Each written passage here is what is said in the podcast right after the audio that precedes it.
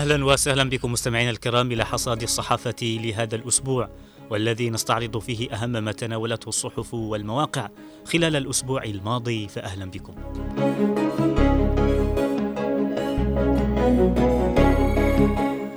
البداية من موقع المجلس الانتقالي ومنه نقرأ خلال لقائه سفراء روسيا والصين وتركيا الرئيس الزبيدي يؤكد توافق أعضاء مجلس القيادة حول القضايا الرئيسة للعملية السياسية.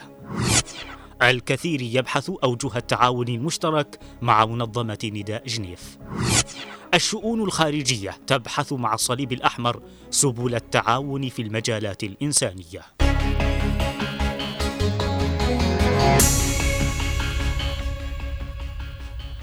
أكد الرئيس القائد عيدروس قاسم الزبيدي رئيس المجلس الانتقالي الجنوبي نائب رئيس مجلس القيادة الرئاسي خلال اجتماعه السبت الماضي مع سفراء كل من روسيا والصين وتركيا أكد أن أعضاء مجلس القيادة الرئاسي متفقون حول القضايا الرئيسة للعملية السياسية القادمة وفي طليعتها قضية شعب الجنوب مشيرا بأن المجلس الانتقالي الجنوبي ومجلس القيادة الرئاسي يسعيان بجدية للدفع بجهود إنهاء الحرب وإحلال السلام في بلادنا والمنطقة. كما ثمن الرئيس الزبيدي خلال لقاءاته بالأدوار الكبيرة التي لعبتها الصين وروسيا وتركيا في سبيل إنهاء الأزمة الإنسانية التي مرت بها بلادنا جراء الحرب. من جانبهم عبر السفراء عن دعمهم بل عن دعم بلدانهم لكل الجهود الهادفة لإنهاء الحرب وإحلال السلام مجددين استعدادها ببذل كل الجهود للبدء بعملية سياسية شاملة تحت إشراف الأمم المتحدة. بحث القائم بأعمال رئيس المجلس الانتقالي الجنوبي رئيس الجمعية الوطنية علي الكثيري خلال لقائه الأحد نائب مدير المشاريع والشؤون القانونية بمنظمة نداء جنيف السويسرية السيدة ساندرا كريمين.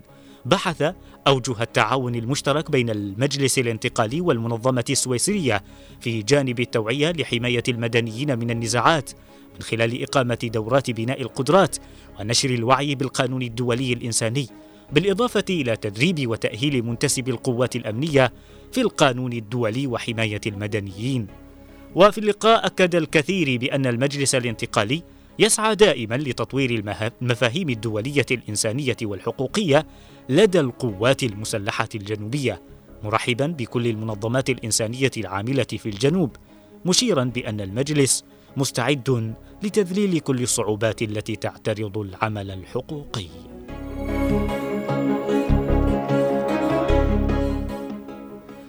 استقبل رئيس الإدارة العامة للشؤون الخارجية بالمجلس الانتقالي الجنوبي الدكتور صالح الحاج الأحد رئيس بعثة اللجنة الدولية للصليب الأحمر السيد يان بوخلي ونائب المنسق لقسم الحماية باللجنة الدولية السيدة فاليريا جيميلو والمستشار السياسي مساعد رئيس البعثة بهاء السلامي. وبحث اللقاء عددا من الموضوعات ذات الاهتمام المشترك التي من شأنها تطوير التعاون بين المجلس الانتقالي واللجنة الدولية في شتى المجالات الإنسانية وحقوق الإنسان وإقامة الدورات التأهيلية ومختلف الأنشطة التوعوية في القانون الدولي الإنساني. وفي اللقاء أكد الحاج بأن المجلس الانتقالي مستمر في تقديم كافة التسهيلات اللازمة لموظفي البعثة العاملين في محافظات الجنوب.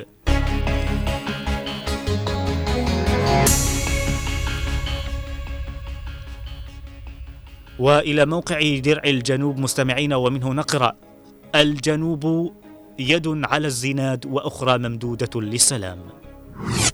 في عمليتين أمنيتين نوعيتين حزام عدن يلقي القبض على حوثيين وداعشي في دار سعد والبريقة.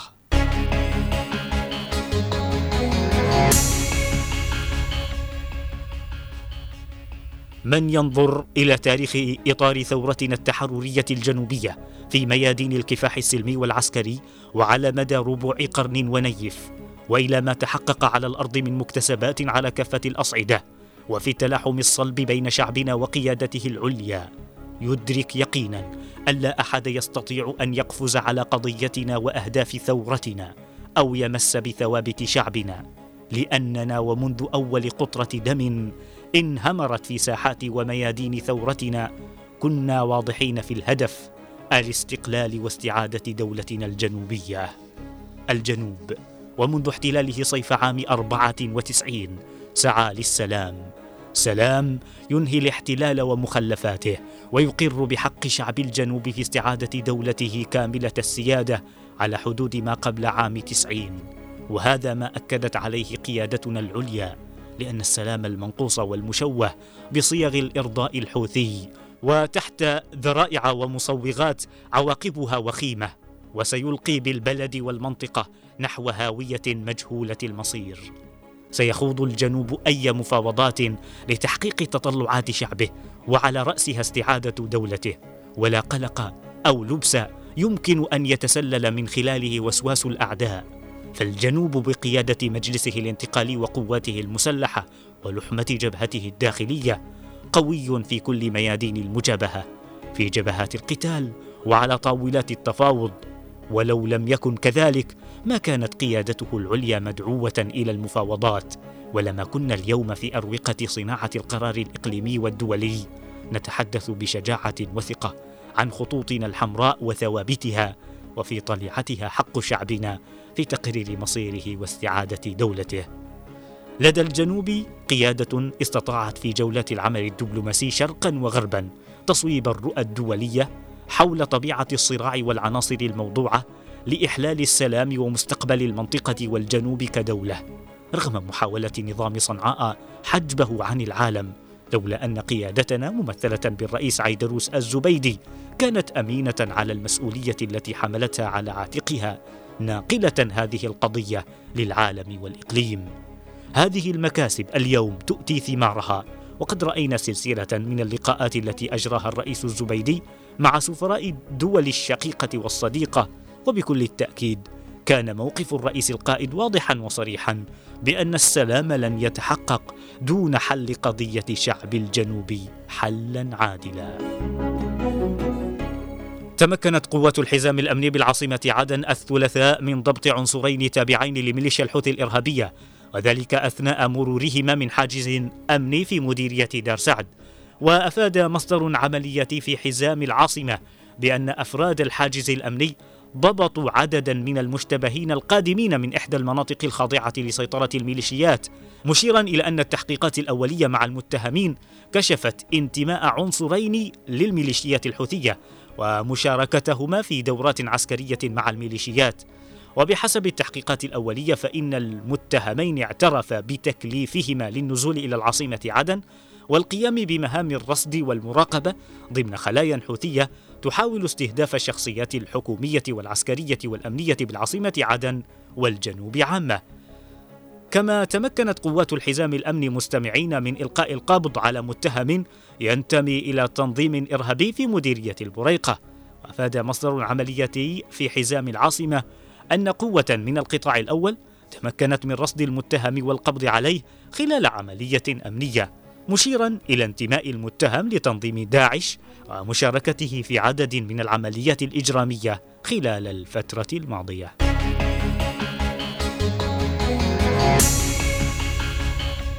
وإلى صحيفة المشهد العربي مستمعين ومن هناك نقرأ أرقام مأساوية لضحايا القتل البطيء في سجون الحوثيين. الحوثي والإخوان فصيلان إرهابيان تكالبا على الأطفال في يومهم العالمي.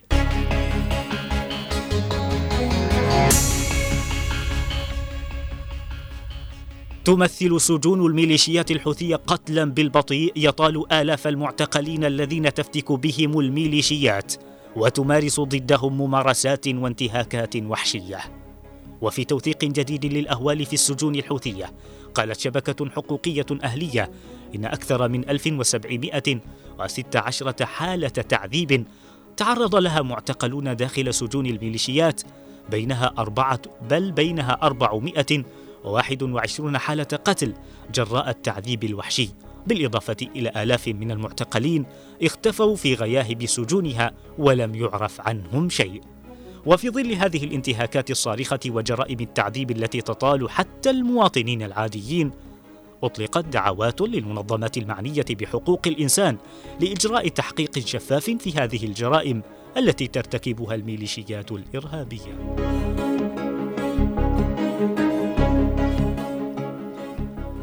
في الوقت الذي حلت فيه احتفالية اليوم العالمي للطفولة والذي يوافق العشرين من شهر نوفمبر من كل عام سجلت أرقام مفزعة للانتهاكات التي مارسها الفصيلان الإرهابيان الحوثي والإخوان ضد الطفولة في مناطق سيطرتهما. وبحسب منظمة الصحة العالمية فإن مليوني طفل دون سن الخامسة يعانون من الهزال بالإضافة إلى 540 ألف طفل يحتاجون إلى رعاية خاصة ومستعجلة. هذا ما يخص الوضع الصحي مستمعينا الكرام أما الانتهاكات الأخرى فأرقامها أشد وأكبر. وبحسب بعض الإحصاءات الحقوقية فإن ميليشيات الحوثي ارتكبت أحد عشر ألفا ومئتين واثنين وثلاثين انتهاكا بحق أطفال صنعاء اليمنية وحدها. خلال الفترة من التاسع عشر من نوفمبر إلى التاسع من عام 2022 إلى التاسع عشر من نوفمبر من هذا العام والتي تنوعت بين القتل والاختطاف والاعتداء الجسدي. بالإضافة إلى استخدام المدارس والمراكز الصيفية في تعبئة الأطفال بالأفكار الطائفية التي تدعو للقتل والإرهاب. هكذا مستمعين الكرام يمر يوم الطفولة على الأطفال في المناطق الخاضعة لسيطرة الفصيلين الإرهابيين. لا أحلام وردية ولا حقوق ولا تعليم، بل قتل ودمار وإبادة وموت.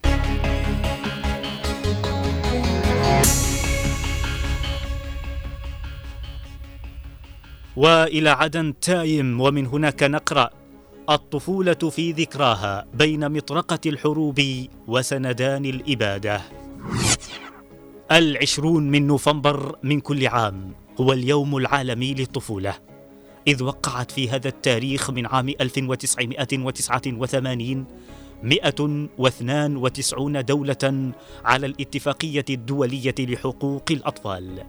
دعونا من الرسمية الزائفة ولنبحر في مآسي الطفولة في حروب بترت أطراف تلك الطفولة وفقعت عينيها وشلت حركتها وشوهت جمالها. طفولة بين الشوارع وحركة السيارات تبحث عن رزقها لتسد رمق عائلتها بعد أن أجبرها الغلاء الفاحش والوضع المزري على ذلك.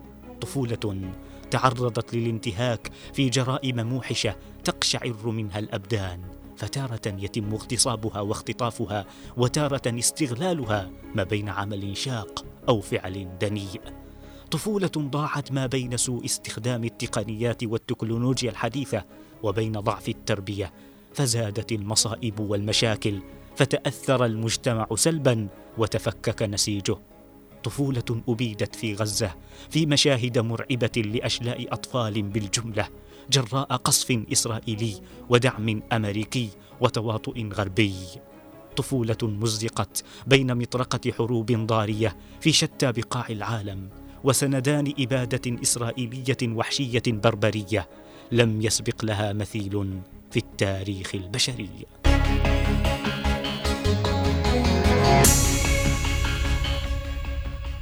إلى هنا نصل وإياكم مستمعين الكرام إلى ختام حصاد الصحافة لهذا الأسبوع. في الختام تقبلوا منا أطيب التحايا وفي أمان الله.